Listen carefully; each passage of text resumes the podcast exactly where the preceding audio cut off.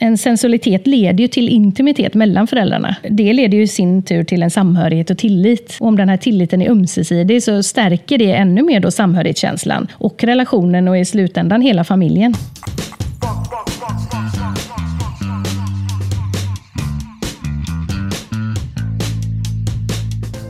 Hej och välkomna till Akademiliv. Jag heter Pontus.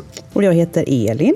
Det här är Sahlgrenska akademins podcast där vi pratar med forskare som gör spännande saker vid Sahlgrenska akademin. Och idag har vi en gäst med oss, Malin Hansson. Välkommen. Tack.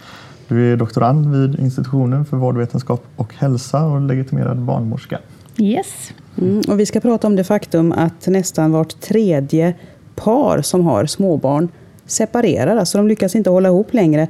Och du hade en studie om det här ganska så nyligen som fick, eh, ja, det fick mycket uppmärksamhet i media får man ju säga. Ja, väldigt mycket. Det var eh, roligt. Det, vi nådde ju ut till mycket till allmänheten, så det var jätteroligt. Mm. Vad, vad var det ni hade studerat? Vad handlade Vi har ju tittat på separationsfaktorer hos eh, småbarnsföräldrar. Varför de separerar. Den här medieuppmärksamheten som du fick, vad har det fått för, för effekter för, för, för dig som forskare? Eh, jo, det har ju varit jättespännande. Jag har ju fått otroligt mycket kontakt med media och eh, lära mig hur man hanterar det. eh, varit med i radio och intervjuer och så, så det har varit jättespännande. Och som framförallt det viktiga för mig är ju att man har nått ut med sin forskning till allmänheten. Eh, det är ju en av de viktigaste sakerna tycker jag med forskning, att man också når ut, att det inte blir en skrivbordsprodukt. Mm. Vad var det för frågor du fick då från, från, från om man ser från media? Liksom? Vad... Eh, det fanns ju ett stort intresse om varför man separerar, naturligtvis.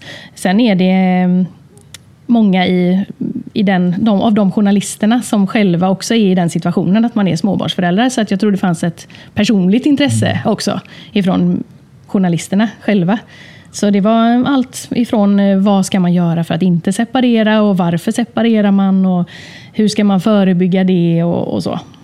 För visst, eh, ni skrev det, det är ju ganska vanligt eh, ändå att, mm. att par separerar just efter de har fått småbarn. Ja, Statistiska centralbyrån gjorde en studie med de följde 34 000 heterosexuella par. Och där såg man ju då att när barnet var 10 år så hade 30 procent redan skilt sig. Eh, så det är ganska höga siffror, måste man ju säga. Den här studien som du gjorde, berätta, liksom, vad, vad var det som gjorde att du ville göra studien? Eh, jo, vi tittade ju först en studie innan denna, så tittade vi på sex, eh, sexlivet och samlivet efter första barnet. Eh, och då såg vi att det var många som hade separerat. Och då blev vi intresserade att titta på skillnader mellan de som separerade och de som inte separerade, gällande relationskvaliteten. Då. Hur gjorde ni det? Ja, det kan man undra.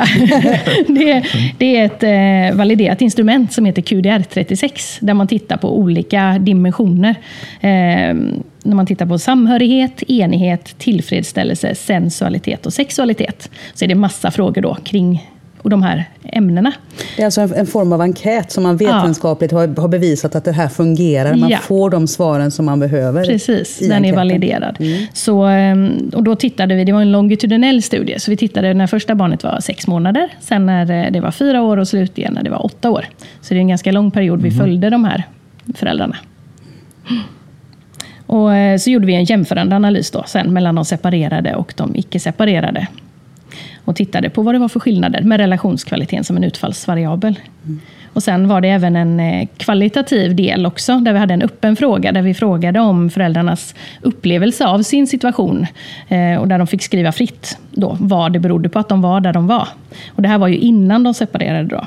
Så vi mätte relationskvaliteten och frågade den öppna frågan innan de separerade, vill jag förtydliga, för att det har varit lite förvirring kring detta av vissa journalister. Så att vi tittade på det innan de separerade och sen jämförde med de som sen inte separerade. Mm. Men vad, vad, kunde ni se då? Vad är det som, som skiljer relationen med de som, alltså om, om man jämför dem där, där relationen håller mm. med de som där relationen spricker? Vad är skillnaden?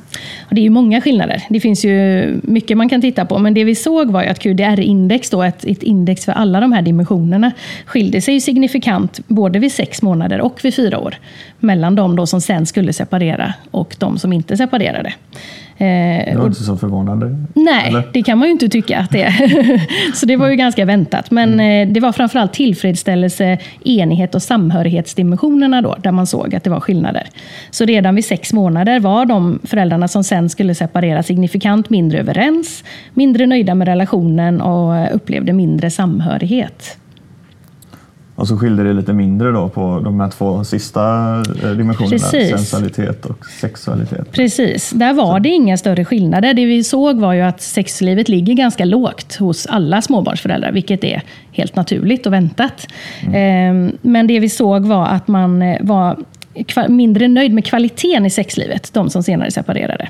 Och de var också signifikant mindre nöjda med den sensuella relationen. Att man inte balanserade upp då den bristande sexualiteten med sensualitet. Mm. Men det gjorde de som, eh, som höll ihop? Kunde de gjorde det, det i större grad, ja. Precis. Mm. Sen såg vi ju då på den här öppna frågan att de hade en bristande sexualitet och sensualitet, de som senare skilde sig. Och Det var vanligare med otrohet och det var vanligare med en förlorad passion och så vidare. Mm. Att balansera upp med sensualitet, säger du. Vad menar du då? Eh, jo, då menar jag att man, om sexlivet ligger lågt så är det viktigt att man behåller sin sensualitet i relationen. Så att man inte bara blir som med vem som helst, utan att man ändå har en nära relation. Man har fysisk kontakt, man pussas och kramas och visar liksom att man hör ihop på, den, på det sättet. Mm. Jag kan ju föreställa mig det här om huruvida man liksom har valt att gifta sig eller inte, att det skulle ha en ganska stor betydelse. Vad, vad, vad, kunde ni se där? Jo, då såg vi att det var dubbelt så hög risk att skilja sig om man var samboende och inte gift. Så det var ju en jättestor skillnad, dubbelt så stor. Eh, vi såg även att låg utbildningsnivå och arbetslöshet var riskfaktorer. Och Det stämmer också överens med den statistiken som SCB tittade på, den studien jag nämnde tidigare. Mm. Hur, hur, tolkar du det? Eller vad tror du det beror på att, att, man som, att gifta par ändå hade en högre sannolikhet att ta sig igenom det här? Det finns ju många eh, man kan sia om. Liksom. Vi vet ju inget säkert. Vi har ingen vetenskaplig evidens för vad det kan bero på. Det man kan tänka är ju att det är ju, man har ändå tagit ett steg och gift sig liksom rent juridiskt. Eh, när man har små barn så tar det ju, man måste vänta i sex månader innan man genomför skilsmässan. Eh, så det finns ju sådana mer barriärer för skilsmässa om man är gift. Mm. Borde man införa sådana barriärer för sambos också kanske? Ja, det vet jag inte riktigt, men eh, inget som vi kan säga någonting om i alla fall. Ja. Men man kan väl också se det som att det, om man har, det kommer mycket påfrestningar på relationen. Mm. Så utifrån att, att, få barn är en sån påfrestning. Mm. Och då är, är, man liksom olika bra rustade för att stå emot det. Precis.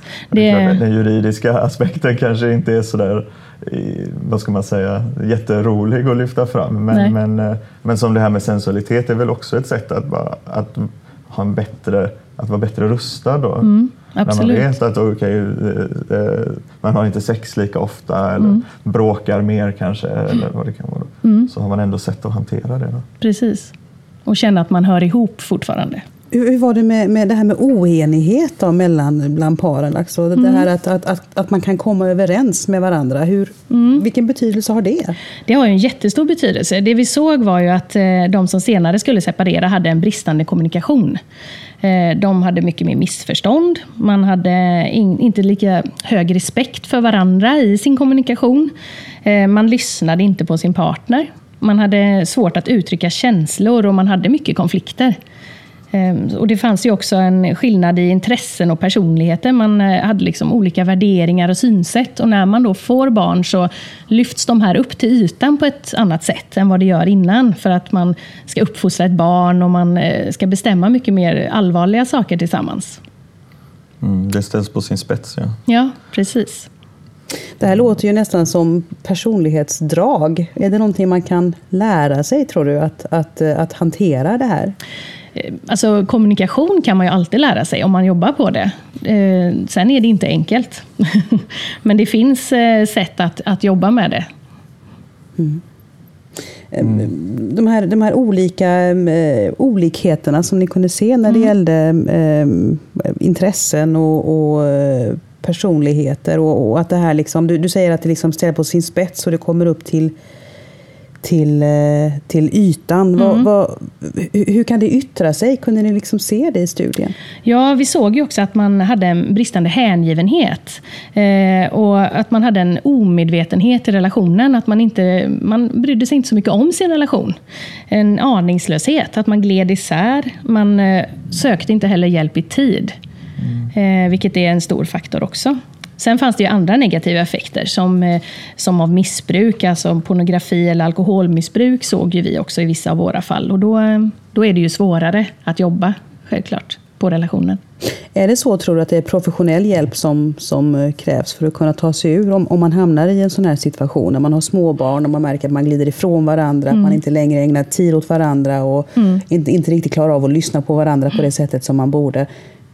Är det läge att vända sig till en professionell person då? Tror det tror jag absolut att det är. Och det uttryckte ju även eh, de som separerade sen, att de hade väntat för länge. Att man eh, ville klara det själv. Det var lite skamfyllt att söka hjälp, att det är svårt. Det finns liksom en barriär för att söka hjälp när det gäller relationen. Sånt ska man klara ändå. Eh, och att man eh, behöver oftast en tredje part som är professionell för att komma i, igång med att jobba med sin relation. För det är svårt när man sitter bara två stycken. Mm. Så absolut. Så ni gjorde den här studien då, där ni både undersökte eh, kvalitativt och kvantitativt. Mm. Alltså vad det var som fick dem att hålla ihop mm. och sen erfarenheterna från de som mm. separerade. Mm. Och det blev ju ett äh, antal råd, eller mm. tips, som, äh, som man skulle kunna ge till småbarnsföräldrar, eller hur? Precis. Ehm, då har vi varit inne lite grann på det här med, med kommunikation. Eh, och det är ju jätteviktigt. De var ju signifikant mindre nöjda med sin kommunikation, de som senare separerade. Och hade svårare att prata lugnt tillsammans. Missförstånd var vanligare. Ehm, och så vidare. Ehm, men så vill jag också förtydliga att det finns ju inte, alla skilsmässor är inte dåliga skilsmässor, om man säger så. Vissa skilsmässor är nödvändiga. Mm. Eh, som till exempel om det är ett allvarligt missbruksproblem, så kan det vara svårt att hitta tillbaka. Medan de som vi vill komma åt, är de onödiga skilsmässorna, som vi kallar dem. Och det är ju om till exempel en följd av eh, kommunikationsproblem eller en tillfällig svacka i relationen, eh, som man kan undvika med stöd och hjälp. Och det är de vi vill komma åt med de här råden eller tipsen eller skyddsfaktorer som vi ser på det. Vad är det för kommunikationsproblem som ni kunde se? Ja, det var just det här att man hade svårt att sitta och prata med varann. Man hade mm, lättare att generalisera och anklaga varann.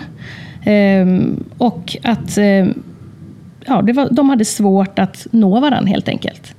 Eh, och det vi önskar då att man ska titta på det är ju det här att man ska prata med raka jagbudskap. Och eh, vad är det då? Jo, det är ju att man börjar med sig själv och sina egna önskemål och försöker formulera dem tydligt så att parten förstår. Eh, och att man då inte använder anklagelser eller generaliseringar. Och försöker vara så konkret som möjligt. Och ehm, som till exempel att jag skulle uppskatta om vi dukade av tillsammans innan vi sätter oss framför TVn. Där är ett ganska neutralt sätt att säga någonting på. Man generaliserar inte. Istället för att säga att du hjälper aldrig till.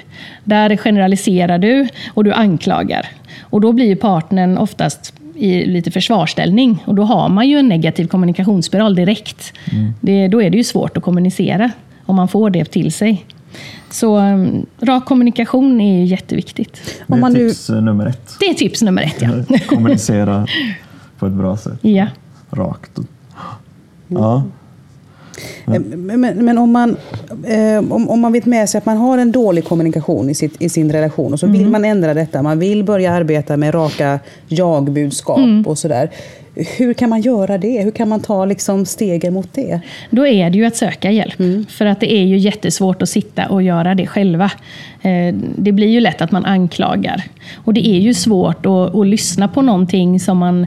Eh, om man är osams om någonting så är det ju svårt att, att få en bra kommunikation kring det. Och då behöver man oftast en tredje part som kommer in och stöttar upp och hjälper och strukturerar upp det. Sen är det inte enkelt. Mm. Och det här med att vara, just att vara en god lyssnare är också en skyddsfaktor som, som du har kunnat se i, i din forskning. Precis. Vad innebär det? Ja, det är ju det här att försöka förstå sin partners budskap. Det hjälper ju inte om man kommunicerar med raka jag-budskap om personen inte lyssnar. Eh, och det har vi ju sett att det är många som är upptagna av sina smartphones, de är upptagna av sina datorer eller annat och att man inte lyssnar på sin partner. Eh, och där är, då är det ju svårt att kommunicera. Och det finns ju en anledning till att vi har eh, två öron och bara en mun. Så att, eh, att eh, lyssna är jätteviktigt. Och då såg vi också att hur ofta partnern lyssnade, det var en av frågorna vi hade. Det var ännu en markör för hur relationskvaliteten utvecklade sig över tid. Så det är jätteviktigt att lyssna. Mm. Det är tips två då, det hänger ju ihop med att kommunicera såklart. Precis. Men, och då är eh, det ju det här att fokusera på personen man pratar med och försöka vara närvarande och inte då titta på sin telefon när partnern pratar. Eh, att man försöker ha ögonkontakt och försöka göra kanske en instämmande ljud och nicka och liksom se, visa att man lyssnar empatiskt. Eh, sen även att, eh, att inte avbryta eller att föra över samtalet om att handla om sig själv istället. För det är också väldigt enkelt att man gör det. Och sen i slutet att man kanske försöker återkoppla och säga, har jag uppfattat det rätt?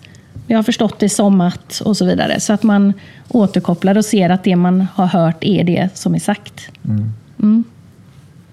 Väldigt ofta så får man ju eh, intrycket av att, att eh, många gräl kan komma att handla om det här med vem det är som städar och vem det är som plockar undan och vem det är som tar hand om hushållet eh, Precis. hemma och sådär. Så det här med jämlikhet är också ett... eh, Du, du har råd när det gäller det området också.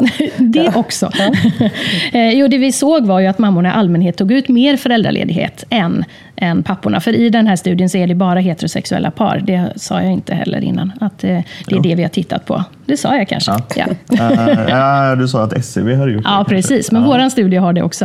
Eh, och trots då att de hade huvudansvar för hem och barn och hade mest föräldraledighet så arbetade de också i en väldigt hög grad. Och dessutom då hade de ju hand om hemmet mest. Vilket gör att det blir väldigt slitigt. Och eh, vi har sett en amerikansk studie där de har tittat på just det här med ojämlikhet i hushållsarbete. Och där ser man att det är negativt för relationskvaliteten för båda könen. Men att kvinnorna är det också relaterat till att de önskar att man eh, vill ha en skilsmässa. Eh, Så där är det en könsskillnad. Så att det är jätteviktigt att prioritera det här med delat ansvar liksom, och få en balans i det för att relationen ska må bra. Hur kan man göra för att uppnå det då? Ja, det är ju bli, för det första är det ju att bli medveten om det. Sen är det ju att man eh, under, kanske redan under graviditeten pratar om de här sakerna. Många par är väldigt eh, jämlika under graviditeten, men sen hamnar man ändå i de här traditionella könsrollerna efter barnet är fött. Eh, Så en medvetenhet. Och sen som sagt söka hjälp om man känner att nu är det snett. Liksom. Då får man ta tag i det. Så nu har vi tre tips än så länge. Det ska ju bli Mm. åtta totalt. eller? Eh, Kommunicera, lyssna och eh, dela på ansvaret. Mm. Eller försöka ha en så jämlik relation som möjligt. Eh, Och det fjärde tipset då, det är att ha roligt tillsammans. Ja, det har vi också sett då att eh, det är jätteviktigt. tips. Ja, det är ett bra tips. Att roligt tillsammans. Det är lättare sagt än gjort kanske. Ja. Men att vi har ju sett flera studier som säger just att ha roligt och skratta är bra för oss. Men eh, en amerikansk artikel från förra året lade till ytterligare en dimension och det var ju skrattets betydelse. Att man såg då att par som skrattar tillsammans har en högre relationskvalitet. Och det ser ju vi i vår forskning med. Eh, Att hur ofta man skrattar tillsammans var signifikant för hur förhållandet utvecklades över tid och för relationskvaliteten. Fick man fylla i det i enkäten? Ja, hur ofta ni skrattar tillsammans? Hur ofta skrattar folk då? Ja, det är väldigt olika kan man ju säga. Men de som mådde bra skrattade oftare. Så det var det vi såg. Alltså, Två gånger i veckan? Oftare. Två gånger Gärna dag, varje dag. Varje dag. Ja, flera gånger om dagen, helst. Då har man en bra relation. Enligt vår forskning så är det viktigt med skratt. En, en aspekt. en aspekt av det. Ja. Ja. Och sen mår man ju bra av att ha roligt, så är det ju. Vi var ju inne Ja. på det här med, med sensualitet tidigare. Att det kan vara ett sätt att eh, balansera upp den här bristen på sexualitet i, i relationen. Och sensualitet i vardagen, det är också ett av dina råd. Att försöka att då balansera upp den bristande sexualiteten med sensualitet. Så det är den här balansen igen, precis som med jämlikheten. Ehm, och att en sensualitet leder ju till intimitet mellan föräldrarna. Och det leder ju i sin tur till en samhörighet och tillit. Och om den här tilliten är ömsesidig så stärker det ännu mer då samhörighetskänslan och relationen och i slutändan hela familjen. Så att det är ju oerhört bra sätt att stärka sin relation, att ha den här sensualiteten. Kan du ge exempel? Hur, hur kan en sån sensualitet gestalta sig? Ja, men att man kanske ger varandra en kram.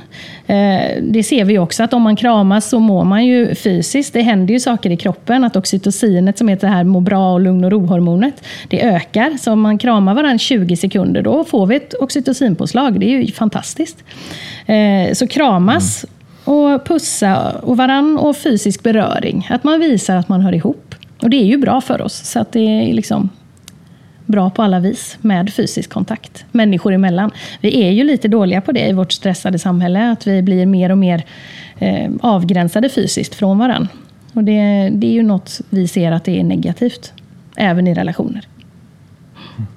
Jag tänker de här fem, nu fem råd. Mm, du håller koll på oss här. Ja, jag, jag räknar här. Nej, men det, det, är inget av, det är inget av dem egentligen som handlar om att få barn. Eller om, som är särskilt speciellt för en relation när man har småbarn. Nej.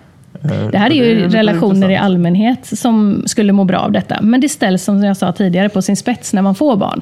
För det blir ju en ökad påfrestning. Man har eh, det tyng, tyngre rent, eh, man ska hinna saker och man har ett barn att ta hänsyn till och man kanske får sova mindre. Och då blir de här sakerna ännu mer viktiga. Mm. Och det här med, och nu kommer jag in på nästa tips då på tips 6. Ja, för det kanske är ännu svårare om man faktiskt har fått barn. Precis, att ta sig tid. Och Det är ju någonting som vi såg också, att eh, tid tillsammans är oerhört viktigt. För det skapar gemenskap, både som eh, par men också som familj. Eh, och att man tittar i sin kalender och, och planerar in ledig tid också, inte bara jobbtiden. Det är jätteviktigt. Mm. Så att planera in ledighet i kalendern, inte bara arbetstid. Det är mm. många småbarnsföräldrar som pratar om det här med egen tid. Alltså mm. att det är mm. någonting som försvinner när man får barn. Mm. Hur viktigt är det egentligen? Eh, jag tror ju att det viktiga är att man får en tid som familj i första rummet. Det är ju det vi har sett. Att det vill, framförallt mammorna vill ha mer tid tillsammans med sin familj och sina barn. Och om man ser på de separerade papporna så ville de hellre ha tid med eh, sig själva och sina här, träna eller träffa kompisar. Om man ska generalisera då den, på de separerade paren, så var det så det såg ut.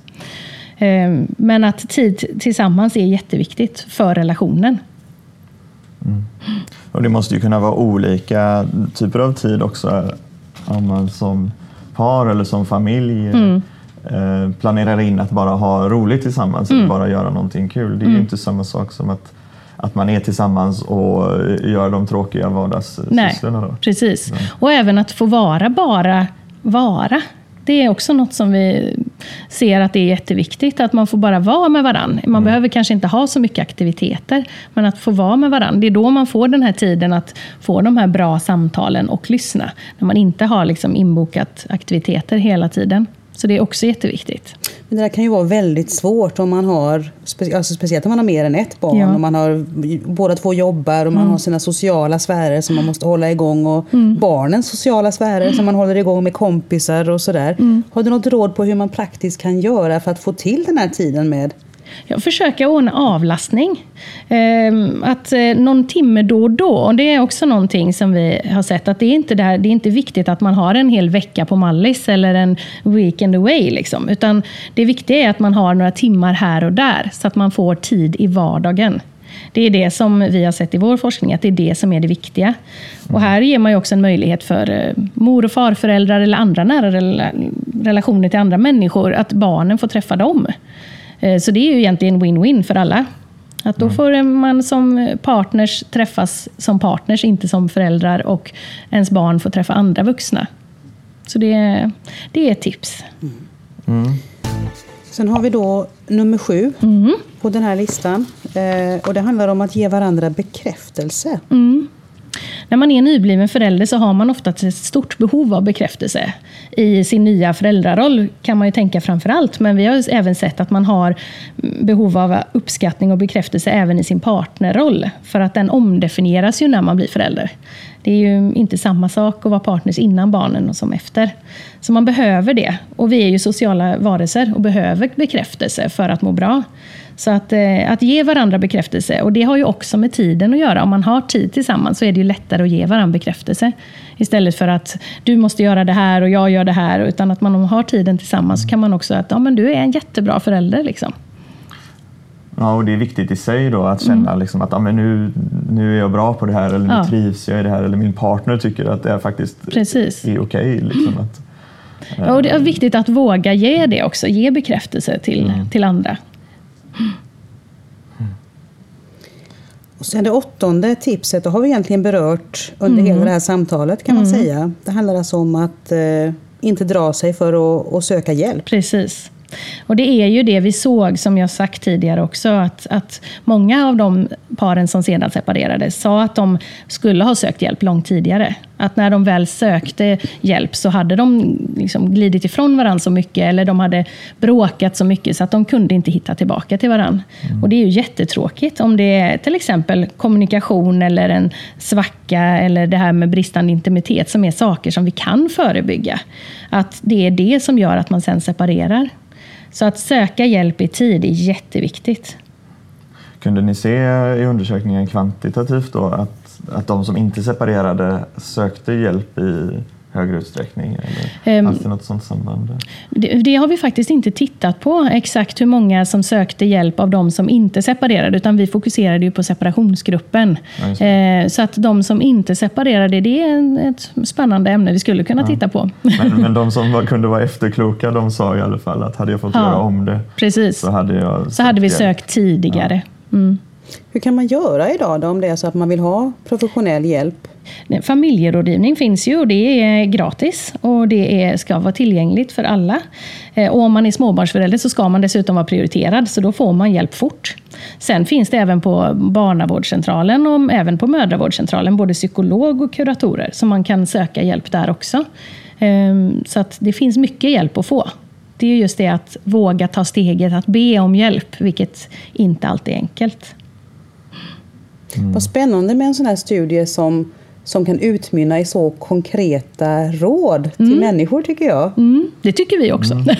Ja, det var väl därför det blev mycket uppmärksamhet för, tänker jag också ja. i media som vi pratade om i början. Mm. Att, att det här det går ju att ta på mm. det är ju jättetacksamt att kunna liksom, skriva de här tipsen. Då. Mm. Och också att det berör ju uppenbarligen då så många människor eftersom att det är så stor separationsfrekvens då i Sverige idag. Mm. Malin Hansson, det var jättetrevligt att du kom Tack. till vår podcast. Tack så mycket. Ja, och det här var en podcast från eh, Sahlgrenska akademin, Göteborgs universitet. Och vi finns bland annat på iTunes, Soundcloud och Stitcher eller där man laddar ner podcast. Eh, du får gärna kontakta oss med frågor och tips på akademiliv.gu.se eller leta upp oss på eh, Facebook eller Twitter som Sahlgrenska akademin. Tack för oss. Tack så mycket. Tack.